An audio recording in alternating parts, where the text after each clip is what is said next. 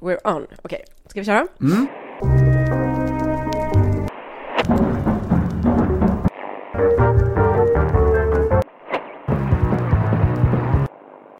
Hej och välkomna till podden med namnet Fotboll Radical eller möjligen Football Radical. Eh, man får välja själv. Vad väljer du Simon Bank, min ärade medpoddare? Eh, jag vill ju vara sådär otippad. Det är klart att jag alla som känner mig vet att jag väljer Fotboll Radical men eh, just därför säger jag Football Radical. Ja. Hur säger man på danska om man skulle vilja göra det? Radikal Antar ja, jag. Snyggt. Mm. snyggt. Eh, ja, podden med eh, dig Simon Bank, mig Johanna Frändén med ambitionen att vadå, belysa aktuella och tidlösa händelser inom fotbollens värld med ibland i alla fall eh, lite mer radikala glasögon än vad vi eh, upplever att eh, de flesta ägnar sig åt i branschen. Var det höga hästar jag satt mig på där eller? Eh, galopperande höga hästar men eh, man ser bättre därifrån så vi, vi testar det helt enkelt. vi testar där helt enkelt. Mm. Eh, du hade ju, vi kommer för säkerhets skull också heta Bank Frändén av sökmotorskäl, var det så? Uh, ja, lite så. Plus att vi också resonerade kring om vi skulle följa någon form av uh, normativ uh, sportredaktions tal så hade vi hetat Bank och Johanna eftersom alla kvinnor tilltalas med förnamn och alla män med lumpenartade efternamn. Det är så det brukar funka. Men... Ja, just det. Det hade varit fint. Du hade ju annars ett lite mer sökoptimerat förslag. Vad var det? Horny Teens Porn Football podd. Någonting sånt eh, mm. i den nya ekonomins eh, linje. Men nej, det blev ju inte så. Jag blev nedröstad där. Mm. Man kan säga mycket om fascismen men då får man i alla fall bestämma något. Ja, just det. Eh, hörru du, mm. vi eh, går eh, rakt på gårdagens händelse. Det är tisdag när vi spelar in detta. Eh, the Best priset. Det är ganska många priser nu för tiden man ska hålla ordning på, men Fifas eh, pris, för de har ju slitit sig loss från Ballon d'Or igen och eh, gjort ett eget, eh, en egen utmärkelse som på här sidan gick till Luka Modric. Inte så förvånande kanske, eller? Nej, det blev ju inte det. Vinner man Champions League och tar ett otippat Kroatien till VM-final så har man väl förtjänat i alla fall att vara med där uppe så att säga. Mm så att säga. Jag eh, konstaterar hur, hur så här röstade svenskarna. Andreas Granqvist röstade på Mohamed Salah, eh, Kevin De Bruyne, Cristiano Ronaldo, Jan Andersson, Kevin De Bruyne, eller De Bruyne som också populärt att säga nu för tiden, Luka Modric, Eden Hazard. Eh, tredje svenska att rösta, Simon Bank, Cristiano Ronaldo, Luka Modric, Rafael Varan. Mm. Du ingår i den här juryn. Jag ingår i den här juryn eh, och jag gör det, jag ska inte säga motvilligt för det är en, stor heder och ära men eh, min hållning brukar ju vara att det här är ju jippon, alla sådana här priser och framförallt om man ser hur rösterna landar eh, mest faktiskt egentligen från de som är i i fotbollsbranschen som spelare och tränare. Det är ju väldigt mycket politik och svågerpolitik och svägerskepolitik. mycket. Mm. mycket det också. mm. Så det är ju vad det är. Man får hiva in en och två, tre nyper salt eh, i resultatet. Men det gör inte att det är mindre roligt som diskussionsunderlag om inte annat. Nej, just det. Jag, sitter ju jag har ju faktiskt Sveriges plats i Uefas eh, pris, det som delas ut till bästa spelare vid eh, Champions League-lottningen varje år.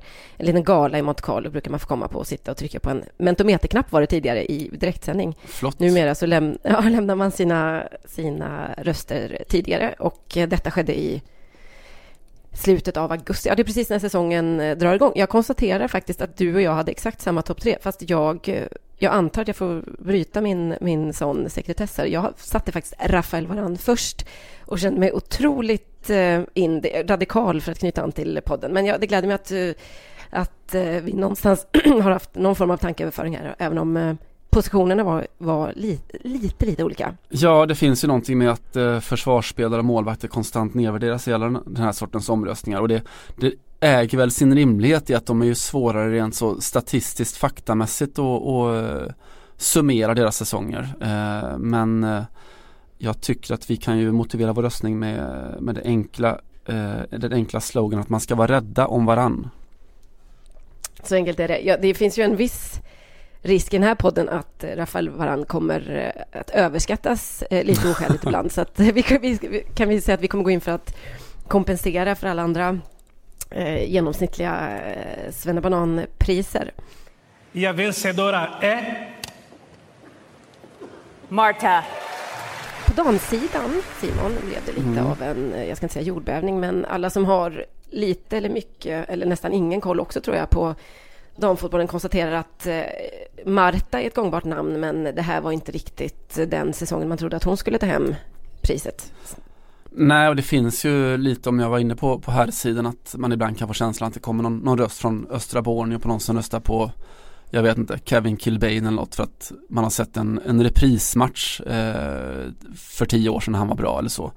Så på, mm. på damsidan så är det ju eh, konstant så, det ska man villigt erkänna att fast jag jobbar en hel del med damfotboll att man har väldigt dålig koll på det som försiggår eh, i vardagen. Eh, matcherna sänds inte och ska man nu se något så får man in och fulstreama någonstans. Eh, och man kan väl säga att det märktes när Marta eh, 2018 får ett sånt här pris.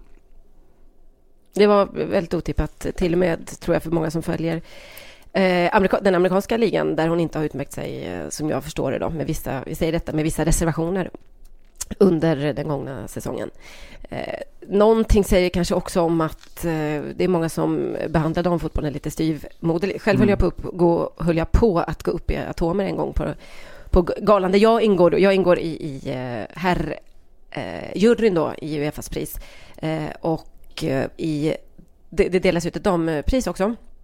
Och eh, vid det här året, det var två eller tre år sedan kanske, så gick det till, eh, eller först, först så var Peter Schmeichel var ju där och skulle då eh, hålla, vara lite mysig och, och hålla i eh, intervjuer på eh, scen. Och började med att ställa en fråga till någon, nu minns jag inte vem, någon av de nominerade.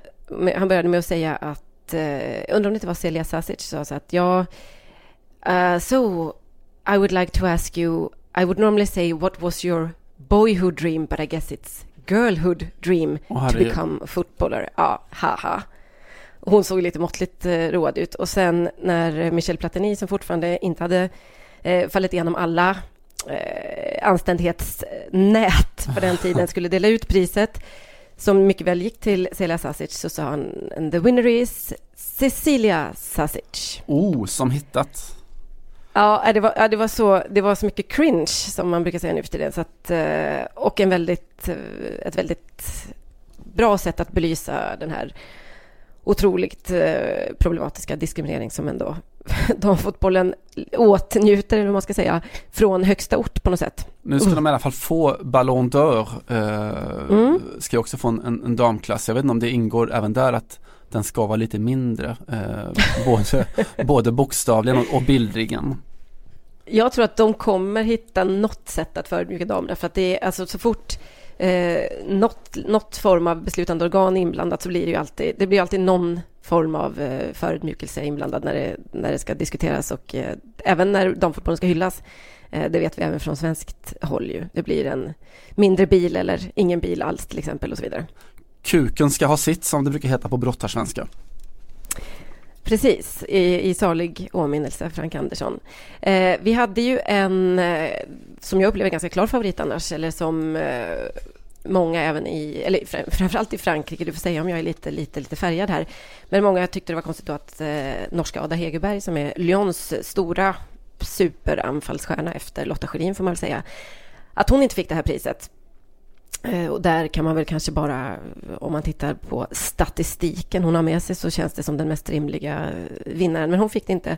Och ni är säkert många som har följt eh, turerna kring Ada Hegerberg. 22 år gammal har hon ju lämnat landslaget. Varför då Simon? Ja, det är ingen som riktigt vet. Det man kan konstatera är väl att Ada Hegerberg kommer från Hegerbergklanen som är en extremt driven och engagerad fotbollsfamilj. Då hennes eh, lillasyrra eh, eh, Andrine, eh, eller syster ska jag säga, spelar ju i PSG och, mm, både mor och far är, är väldigt eh, drivande. Så det är en, en speciell familj eh, och det här liksom skärningen då mellan eh, förbund, landslag och Ada Hegerberg uppstår väl egentligen under det mindre lyckade norska EM-slutspelet då där de, ja, de blev sist i gruppen, noll mål, noll poäng. Eh, och under förbundskaptenen Martin Sjögren, svensken, så så eh, blev det väldigt mycket kritik både i en eh, offentlig norsk debatt och att de, de ville spela ett spel som de inte riktigt hade satt och att de inte hade spelat material för och mycket rotationer och, och sådär. Och eh, Ada Hegerberg då som kom dit som ja, som en, en motsvarighet kan man väl säga, den norska damfotbollens motsvarighet till Zlatan eh, var blek helt enkelt och, och märkbart tydligt frustrerad eh, och, och, sa ju att jag kan inte uttrycka mig riktigt som jag, som jag vill på planen och det, det har med, med omgivningen, eh, det vill säga mina lagkamrater att, att göra och det kan man tycka man vill att, eh, om att hon sa på det sättet men efteråt så gick, jag, känner, ja. jag känner mig som en sämre fotbollsspelare när jag åker hem från landslagssamlingen tror jag till och med hon sa. Ja och det, det där är väl en situation som ganska många stora internationella stjärnor från mindre länder känner eh, och Ada Hegerberg tog väl inte det riktigt utan annonserade då efter EM att hon eh, tills vidare inte vill spela landslaget och gick ut med en, en form av eh, manifest då kring saker som hon upplevde var, var för dåliga, för oprofessionella, dåligt skötta i landslagsverksamheten. Man, om vi nu ska göra det här eh, maniskt, eh, den här maniska besattheten av att jämföra damfotbollsspelare med herrfotbollsspelare, kan man säga att hon är en Zlatan Ibrahimovic, men mindre diplomatisk. Det är ju ganska svårt att lyckas med, men jag känner någonstans att hon både är lite, mer, lite rakare i sin kritik och lite mer eh, radikal i, i, liksom, i sitt konsekvenstänk här. Det är ganska ovanligt ändå från, eh, generellt från fotbollsspelare, men man ser ju det här väldigt sällan på damsidan. Uh, så det, det förändrar ingenting oavsett om landslaget fortsätter att vinna matcher eller inte. Eh, uh, den beslutningen var väldigt viktig för mig att ta för att kunna vara, ja, tro mot mig själv och, och det jag står för. Um, och för att kunna fortsätta att prestera rett slett, uh, som fotbollsspelare. Så det är väldigt um, intressant det här med när den temaet her kommer opp. For jeg blir jo stempla som en primadonna, og at det setter meg sølv for laget. og Det blir så mye, det blir så mye snakk om ego. og Det er jo egentlig helt eh, tatt ut av sammenheng og helt, eh, helt feil. For det mm, I slutten for meg så var, handler det om å være eh, tro mot meg selv. og Därför är det en, en beslutning jag var nöjd att ta. Det är extremt ovanligt på, på damsidan eh, och någonstans så väljer väl jag att se det som en, en positiv sak för det visar ju också att Alltså Ada Hegerberg snittar ett och ett halvt mål i, i Lyon gångna säsongen per match. Eh, hon är världens bäst avlönade kvinnliga fotbollsspelare. Eh, hon är en stor, stor internationell stjärna med vilket mått man än, än använder. Eh, och för tio år sedan så fanns det inte riktigt den sortens makt eh, inom inom damfotbollen. Nu finns det det, det finns ett utrymme för att ställa krav, att vara tycka någonstans att eh, rent progressivt att vi ska ha samma möjligheter och man behöver inte köpa brist på professionalism eller seriositet eller ambition om man upplever det. Så det finns eh, det. på något sätt utrymme för divor om man vill säga, säga, säga så även om det är en etikett som Jade Hegerberg då, nu senast i en SVT-intervju vänder sig mot så, så är det i alla fall drag av eh, diva om man väljer att inte liksom lägga några värderingar i det ordet. Nej men alldeles oavsett vad man lägger i ordet så är det väl, har hon väl alla de komponenterna för att eh, det, det jag hörde av mig till en, till en norsk eh, journalist bara för att kolla lite vad är liksom vad är sant här och vem, vem är liksom the bad guy? För att det finns ju också, hon, hon har ju också sagt att hon har upprepat den här kritiken och att det är problem på organisationsnivå, och att det inte är direkt riktat mot eh, förbundskaptenen, men att, eh, ja, att hon har gjort under lång tid och att det norska fotbollförbundet inte velat lyssna på henne. Och så långt kanske många ställde upp på hennes sida. Sen så blev, fick hon en hel del eh, landslagskamrater emot sig just när hon började tala om hur, ja, hur dålig hon kände sig i landslaget, att omgivningen gjorde henne i princip som du säger och dålig och att hon inte hade samma spelare runt sig och så. Att, att det var ett ganska hårt slag. Nu har ju flera av de andra gått ut och sagt att vi, vi vi klarar oss utan henne om, ja, ja men eh, hade det inte varit bra att få henne tillbaka, hon är den största stjärnan. Nej, men man, man vill inte spela med någon som inte är motiverad att spela i landslaget. Det verkar ju vara ganska, en ganska tydlig signal från flera av de andra eh, landslagsspelarna i Norge att vi vill inte ha med henne att göra när hon är sån här i princip. Det är ju, som jag har förstått det, nästan bara eh, syster Andrine, som du säger, som har varit, eh, stått helt och hållet på hennes eh, sida. Men återigen, det är ett, eh, ett diva-beteende och det är väl, eh, fotbollen är full av, har alltid varit full av sådana och det är ju en väldigt, eh, en rätt bärande del av världsfotbollen på någonstans. Och även om det är jobbigt att ha dem kanske i sin närhet så är det ganska roligt från utsidan och konstatera att de kommer på, på med liksom, de kommer med högre krav, de kommer med pengar, de kommer med medialisering och allt det som hon har förstått har, förstås har genomgått de sista, senaste åren. Ja, det, alltså någonstans är det väl så att om man tittar på herrsidan så har det hänt saker där också senaste tio åren eller så att eh, landslagen har ju börjat acceptera att man inte är på samma nivå som sina de här allra största stjärnorna, om det nu är mm. Ronaldo i Portugal eller om det är Messi i Argentina eller Zlatan för all del i Sverige så att man bygger lagen kring dem för att det finns inga andra alternativ. Det som man såg att Norge gjorde var att de anpassade inte spelet efter Ade Hegerbergs stora sådana här boxstyrkor utan det var mer att man spelade, var ett spelande lag, lite långsamma framåt och, eh, och allt det där. Och ja, lite det som du är inne på också att det, det krigas eh, på ett sätt i damfotbollen nu som det liksom nästan aldrig, aldrig har gjorts tidigare. Att man, man tar fighter och fighter tar man när man upplever att man har råd att ta fighter om det nu är Hope Solo som som slåss mot liksom amerikanska förbundet eh, för högre ersättningar eller med Fifa eller eh, Ko mm. Kosova, Kosova Asllani. Precis, mm. verkligen så. så. Som slåss mot alla och som är kanske den största, den som driver det svenska damfotbollsloket framåt eh, mest av alla egentligen de senaste två, tre åren. Mm, Vero Bocchetti i Spanien som ju ja, i princip avsatte en förbundskapten och, och tog den fighten så att det finns någonting, en potential i det som är jävligt häftig någonstans att de eh, de har en maktposition som inte fanns för, för fem eller tio år sedan. Mm. Eh, jag vill bara avsluta det här, eh, den här The Best-priset, diskussionen eh, med att kasta ett getöga på hur Leo Messi har röstat. Och han har ju röstat utifrån från Argentinas, eller han har haft Argentinas röst helt enkelt. Och då har Marca gått igenom hur han har röstat de senaste åtta åren. Det här var nämligen första gången från 2011 och fram till nu, var första gången som Leo Messi pillade in Cristiano Ronaldo på sin eh, topp tre. Vilket ju är... Kärlek på distans.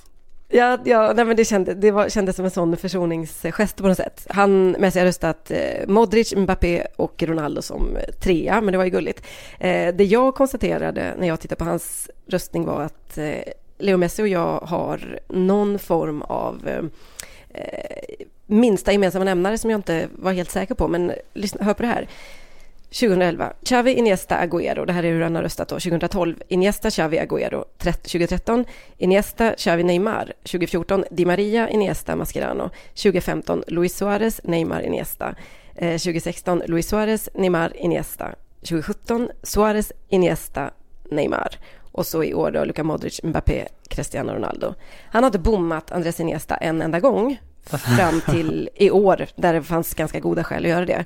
Eh, jag tycker att det här är en, nästan någon form av postum hyllning till Andres Iniesta. Han är inte död och han har ju faktiskt, han spelar ju fortfarande klubbfotboll i Japan då, men eh, att få den typen av erkännande från eh, Leo Messi, som ju för övrigt har sagt att när han spelar dåligt eller när han inte liksom riktigt hittar rätt på plan så försöker han alltid hålla sig i närheten av Andres Iniesta för att då löser sig det alltid på, på sikt.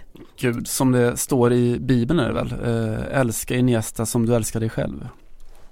Precis, det är andra Moseboken, den lite mer eh, okända. Där Just det, det, den radikala. Mm. den radikala. Indeed.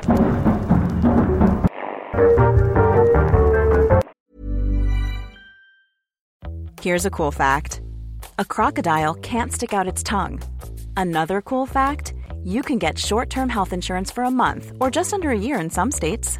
United Healthcare short term insurance plans are designed for people who are between jobs, coming off their parents' plan, or turning a side hustle into a full time gig. Underwritten by Golden Rule Insurance Company, they offer flexible, budget friendly coverage with access to a nationwide network of doctors and hospitals. Get more cool facts about United Healthcare short term plans at uh1.com. Simon, du eh, har ju, eh, precis som jag, konstaterat att det har valts eh, tre tal män i Sverige. Mm. Ta, tal hen. Talhen, just det. Eh, igår skedde detta och eh, idag har Sveriges statsminister Stefan Löfven avsatts precis i en omröstning. Men vi har ju ingen regering Just som det heter på västgötska. Där är det lika vanligt att använda det här ordet för att prata om sin fru för övrigt. Du är också västgöte, känner du igen det? Jag ska kolla med regeringen.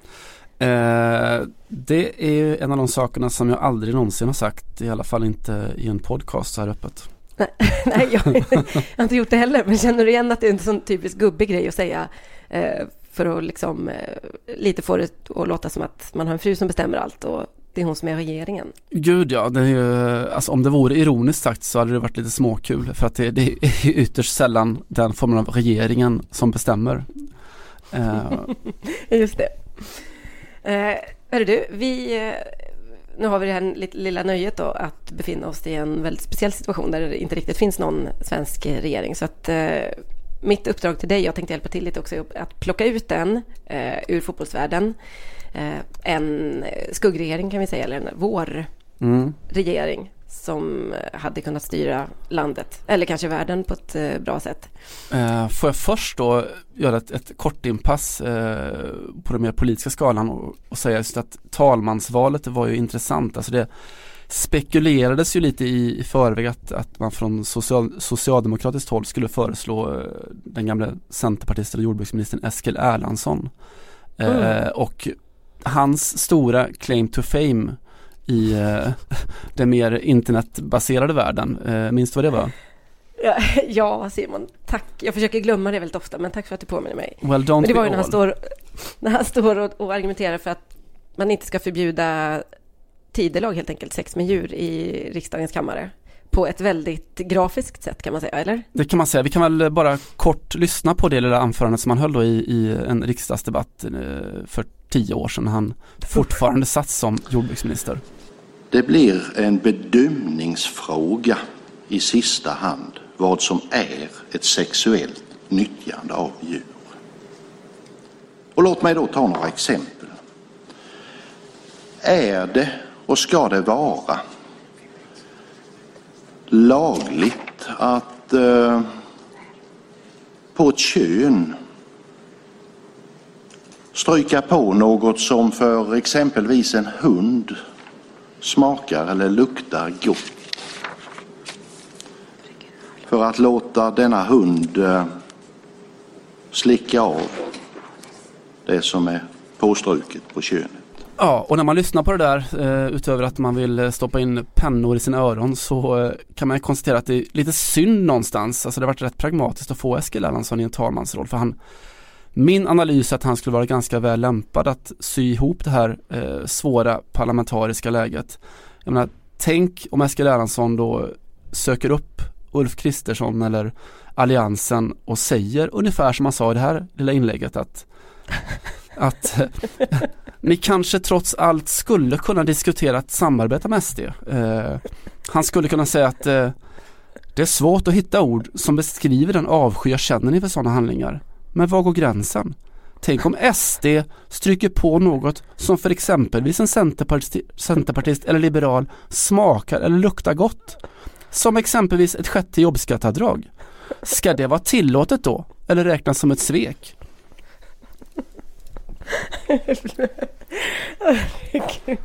Eskil hade löst biffen, jag vill säga.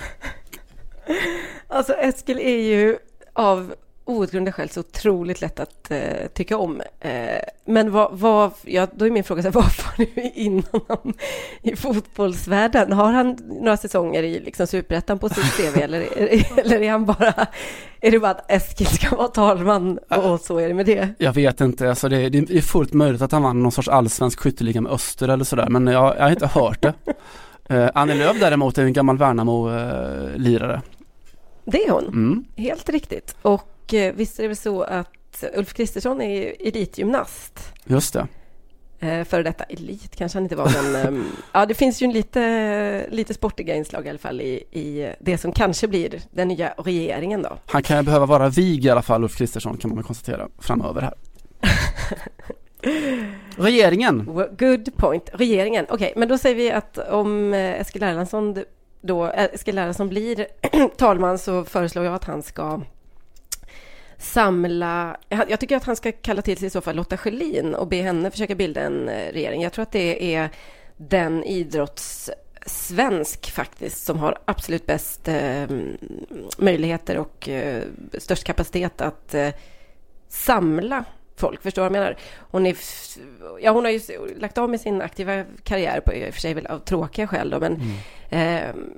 Internationell erfarenhet, mm. diplomatiska kontakter får man eh, konstatera, varit stor i utlandet, eh, begåvad, liksom lättpratad, väldigt så medial, folkkär mm. och eh, skulle jag vilja säga är, ha, jag har någon form av eh, landsmodersdrag eh, som kan komma att bli viktiga den närmsta tiden. Så det blir min statsminister i så fall. Jag tycker att det är ett gott alternativ. Hon har dessutom sagt ju vid tillfälle att hon funderar på att engagera sig politiskt. Hon brinner ju för mm för jämställdhet inte minst. Eh, så det är ett gott alternativ. Min motkandidat då eh, hade väl varit eh, George Weah som ju mm. redan är president i Liberia. Men varför, varför, ska, det, varför ska det hindra oss?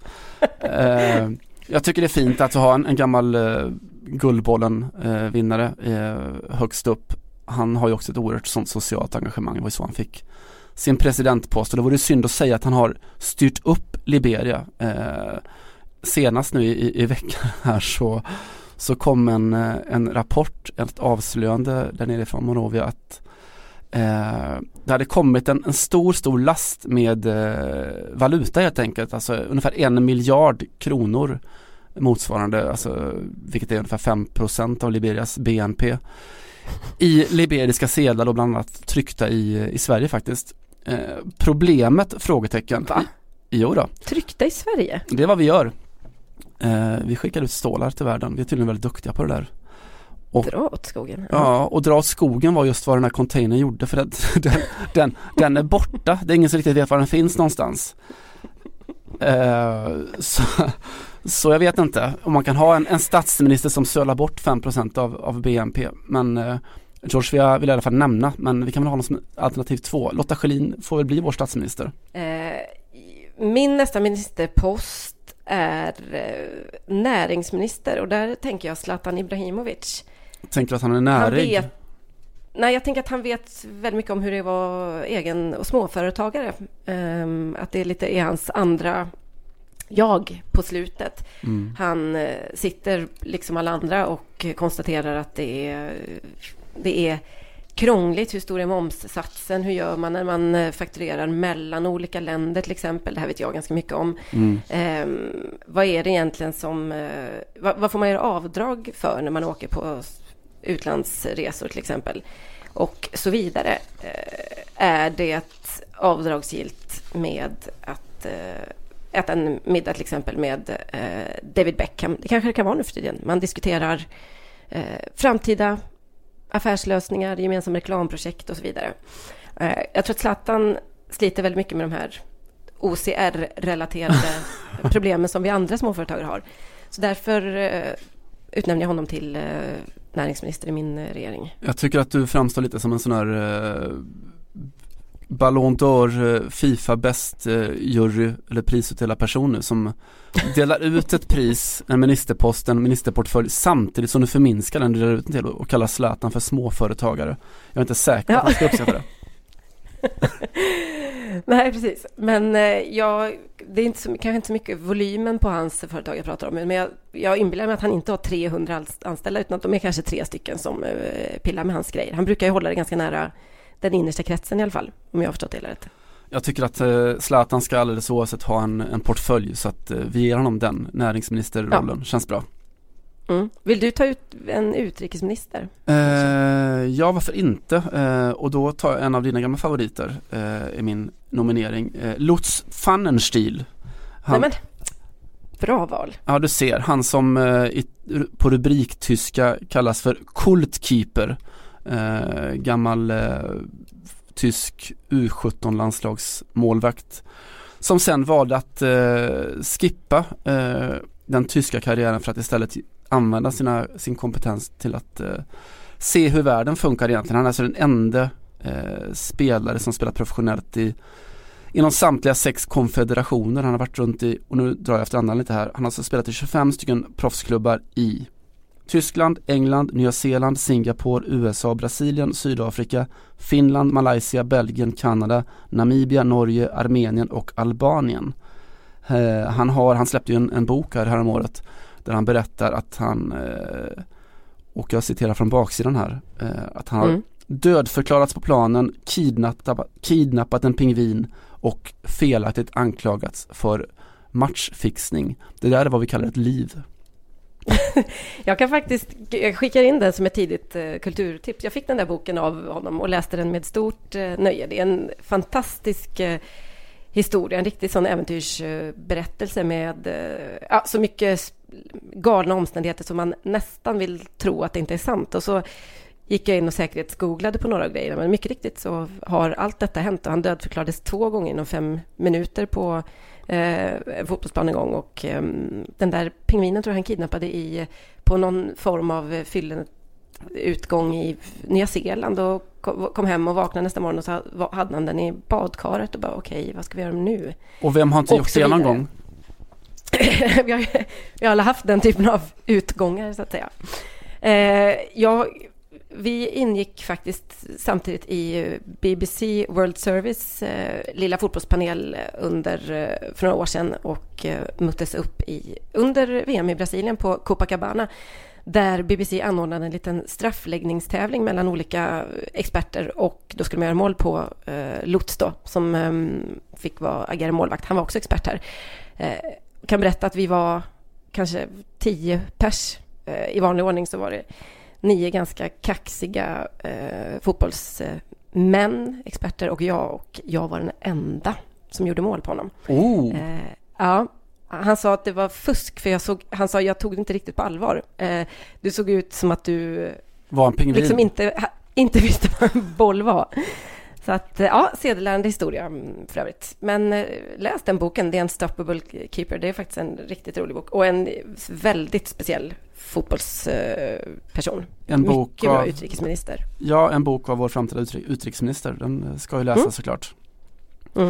Eh, ska jag utmana dig med någon annan eh, post eh, då kanske? Eh, du kan få göra det, men då får måste jag nästan, då får jag börja med en utnämning då. Jag tycker i och för sig, här tror jag att du kommer hålla med mig, jämställdhetsminister för mig blir Kosovare Asllani. Jag tycker det, hon är ganska given på den eh, posten. Eh, finns ingen svensk idrottsman eller kvinna som har tagit så mycket strider de senaste åren på ett ofta ganska vast och eh, medialt sätt som eh, Kosovare Asllani har gjort med ganska mycket, ofta inlägg på Twitter och Instagram drypandes av ironi och, eh, vad ska man säga, eh, förlöjligande av Fifa och Uefa och andra organ som eh, helt enkelt misshandlar damfotbollen. Man tycker väldigt mycket om det för att hade du sagt det för tio år sedan så hade man fnissat lite förstrött sådär. Men idag känns det fullkomligt rimligt. Man kan prata om en, en bildnings och ett vuxenblivande där i, i Kosses fall. Mm. Det är otroligt häftigt och imponerande. Hon kändes inte alls som någon så särskilt medveten eh, fotbollsspelare för, precis som du säger, för en för tio år sedan. För övrigt så passar hon ju in väldigt bra på de här damdivorna som vi pratade om tidigare. Och jag tycker mm. hon har ju allt positivt hos en eh, diva. Jag vet att jag intervjuade henne när hon hade skrivit på för eh, PSG precis. Det var uh, slutet av transferfönstret 2012 och samtidigt som Zlatan hade kommit en en och en halv månad innan eller något sånt där. Och då sa jag någonting och frågade hur, hur är det och ja, vad säger du om en klubb när det helt plötsligt finns två svenskar i den så här och eh, en klubb som inte är så känd för många i Sverige och nu ska ni ja, ta ett nytt steg tillsammans. Så tittade man och sa eh, ja, men, vem skulle den andra svensken vara? med, på fullaste allvar. och då sa jag, ja, det kom ju en kille där i, i, lite tidigare i somras ah, och så fattade hon. Och då satt hennes eh, agent bredvid och gav henne, tror jag, nästan i princip en, eh, en kyss på kinden och sa det här är min kosse det. Liksom. Mm. Eh. Det är vår kosse det. Så är det. Mm. Eh, ja, fortsätter då. Ja, jag klumpar väl ihop två stycken nomineringar snabbt då. För det ena är, behöver ingen, ingen motivering direkt. Utbildningsminister Johan Cruyff. Eh, enda emot honom är att han är död. Eh, men det behöver inte vara ett hinder som det känns. Nej, alltså om man får utgå från det, det nuvarande läget att vi inte har någon regering så är det ändå en, en död minister är ju bättre än ingen. En, Gust en Gustav Fridolin tror jag du skulle säga. Det hade varit, varit väldigt, väldigt elakt. Ja, nej, jag håller inne på just den, det omdömet, men eh, ja, varför inte? Eh, och då något som kanske kräver lite mer motiveringsstyrka är portföljen folkhälsa idrott. Mm. Eh, där jag väljer att nominera en lite åt eh, Kosovare Asllani hållet också, Nadja Nadim. Eh, mm. Den danska eleganten eh, som då, ni kan kanske hennes historia, en afghansk flykting som eh, vänt upp och ner på allt som Danmark trodde att de visste om både fotboll och damfotboll. Hon är dessutom utbildad läkare eh, och talar nio språk flytande. Eh, jag är inte ett dugg orolig över att hon skulle klara av eh, den portföljen. Jag tror du skulle säga, jag är inte ett dugg avundsjuk på det. Lite smått kanske. Ja. ja, det köper jag absolut. Eh, jag tar ut min sista minister och kulturminister, Erik Cantona. Åh, jag hade tänkt föreslå Javier Pastore, men det är i princip samma. Det är faktiskt, är det en tandemministerpost vi ska ha här? Det, det är lite så här good cop och bad cop för de två. Ja, ja jag motiverar Cantona, Cantona snabbt och han eh, är ju som, han var ju ett kultur, popkulturellt fenomen redan som aktiv spelare förstås. Eh, var ju en eh, gigant på många sätt och en alldeles fantastisk fotbollsspelare på på det där nästan slatanska sättet. Han är väl egentligen, det är väl, går väl en ganska rak linje mellan honom och Zlatan, förutom att Erik Cantonas väg efter eh, den aktiva spelarkarriären ju inte har gått i så mycket kommersiella eh, tecken som det faktiskt gått i kulturens tecken. Han har ju gjort flera ganska så hyllade skådespelarinsatser i eh, olika, det har varit en del franska kostymdraman och det har varit ehm, en del brittiska produktioner också och en hel del teater också på hemmaplan. Där han blev sågad en gång, Simon, och eh, sa eh, anklagade eh, publiken för att vara vad då? För det här minns att du skrev om. De var ena småborgerliga rövhål tror jag. Han skulle aldrig komma tillbaka. Alltså, han skrev alltså där i teaterns gästbok. Och utan att ens ha minsta insikt vare sig i pjäsen eller i publiken så, så utgår jag från att han hade helt rätt. Ja, putain petit bourgeois och så mm. vidare. Mm. Oh ja. Eh, det är en given kulturminister, men eh, jag är ju inte, jag är inte kvinnan som säger nej till Javier Pastore, så att säga. Så att, eh, varsågod och kasta in honom i eh, regeringen också. Vill du ge en liten motivering trots allt? Eh, ja, att han är ju, jag tror att det var Kalaifi, PSG-presidenten, som, som sa häromåret att han han är en konstnär, vi behöver honom och det är väl ungefär så där vi landar också i vårt, vårt regeringskonstituerande.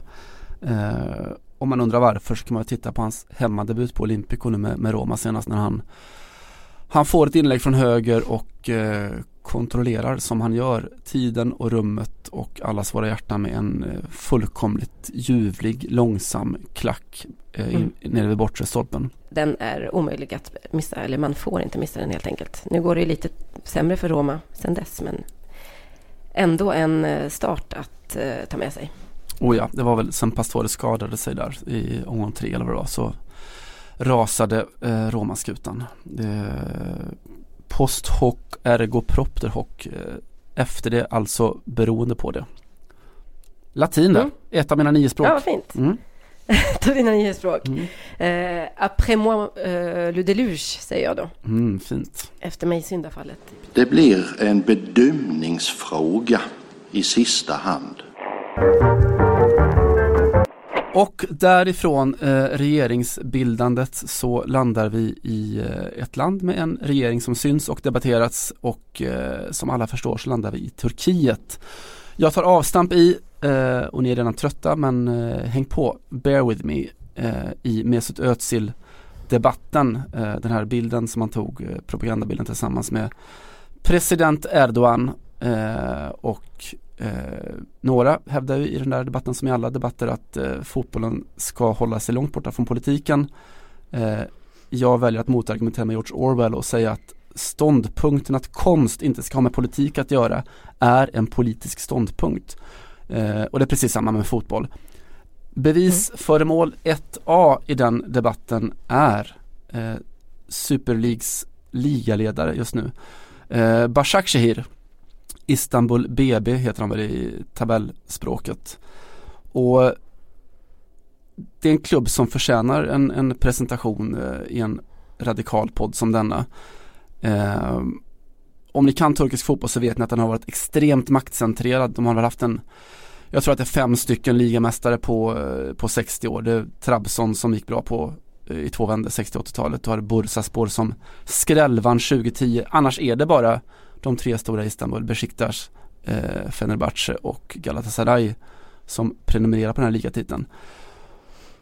Och i den då modernare eh, turkiska fotbollshistorien så har det hänt någonting. Det har dykt upp då eh, inte minst Başakşehir eh, och vill man förstå varifrån de kommer så kan man titta i en eh, Istanbuls förort eh, som inte ens fanns för tio år sedan som är nybyggd.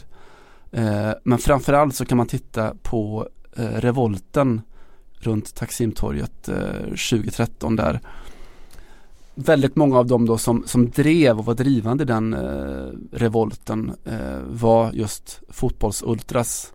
Framförallt kanske från eh, Besiktas eh, och Charchi-gruppen eh, där. Deras vänsterfalang bland supportrarna.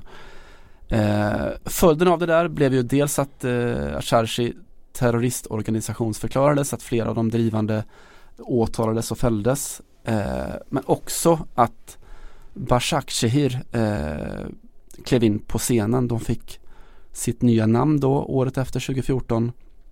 Eh, och är en motpol på oerhört många sätt till de stora klubbarna. De stora klubbarna är svårkontrollerade, det är lite kaos. Det är, eh, alla klubbar har ju vänsterfalanger bland sina, sina supportrar, framförallt då Besiktas. Eh, och är inte så lätta att hantera för en regering som väldigt gärna vill hantera allt. Başakşehir däremot eh, uppfanns ju som förening och var eh, och är mer lätt att ha att göra med. Det finns ingen supporterbas i grunden. Eh, de har då väldigt täta band till regeringspartiet AKP eh, och Erdogan.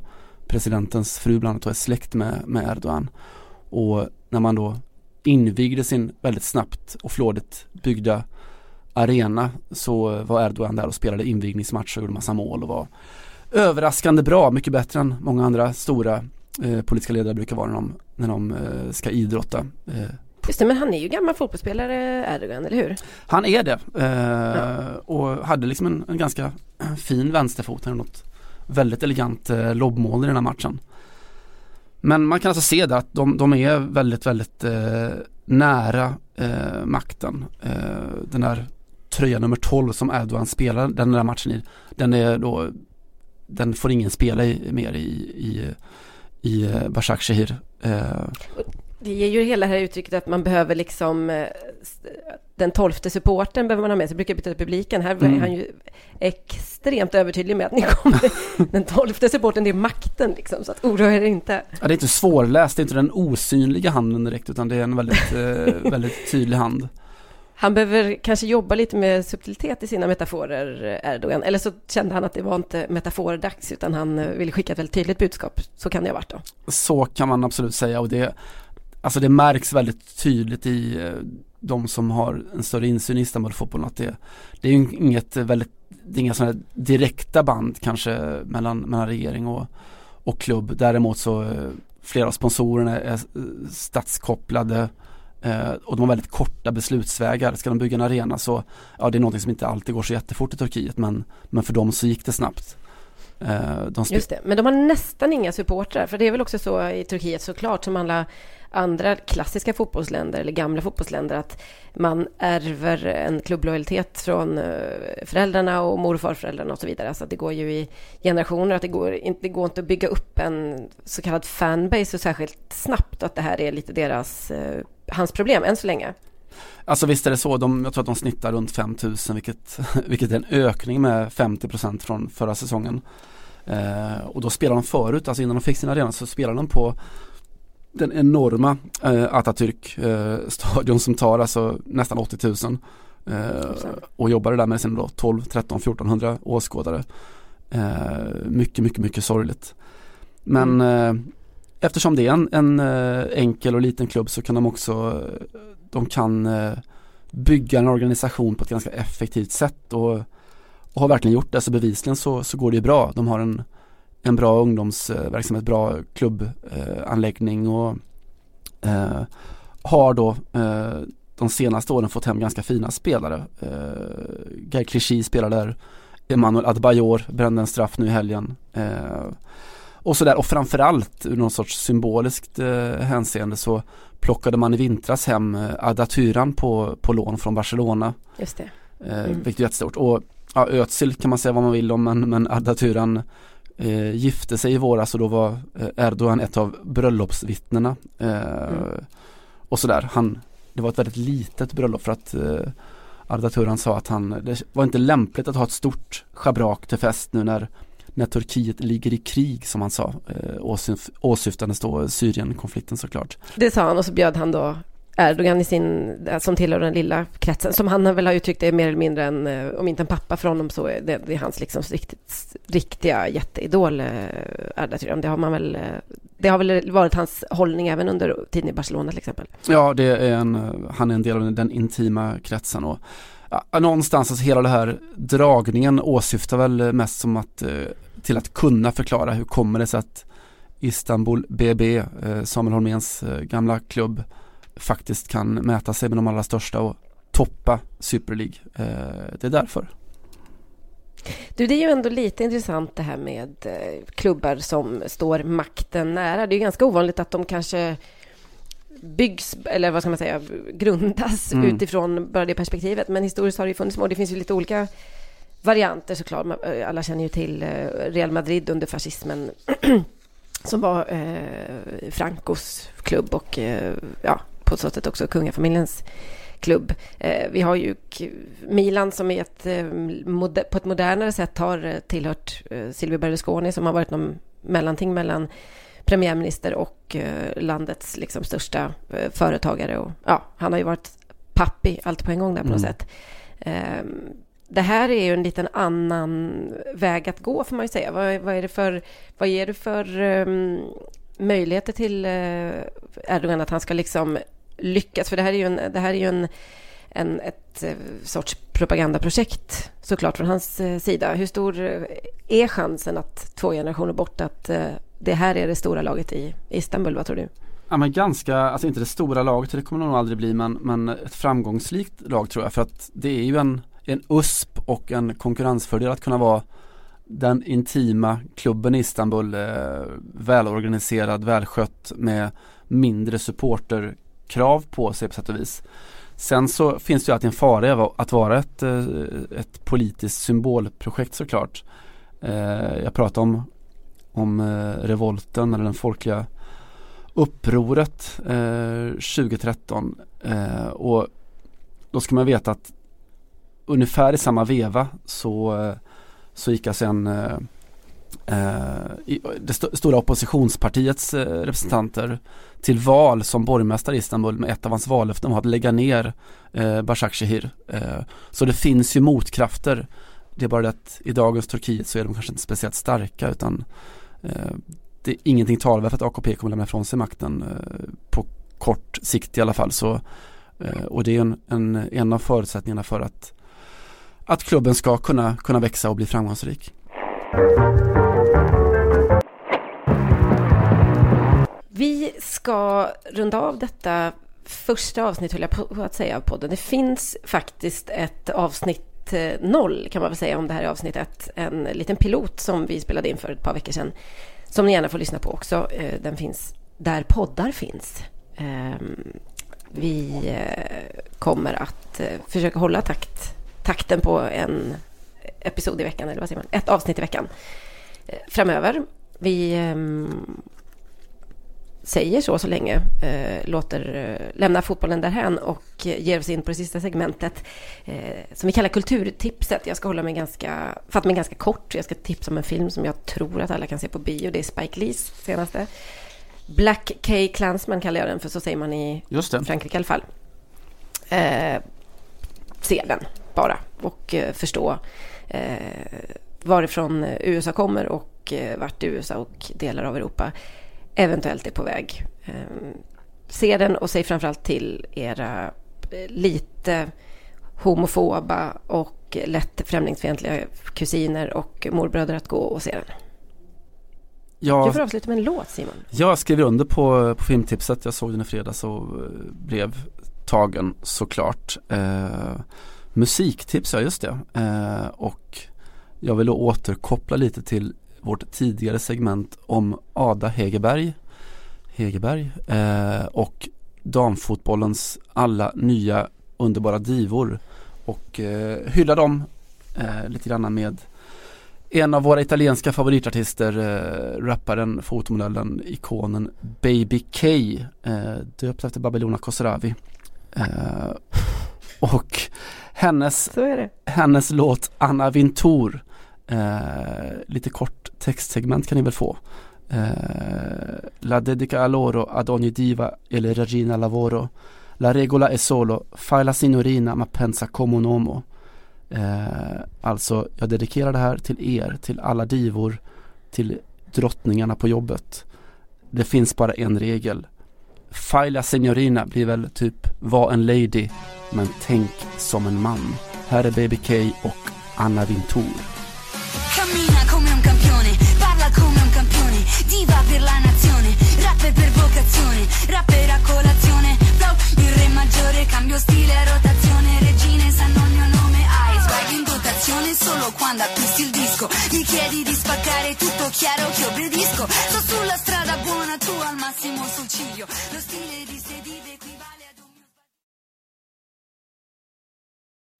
Música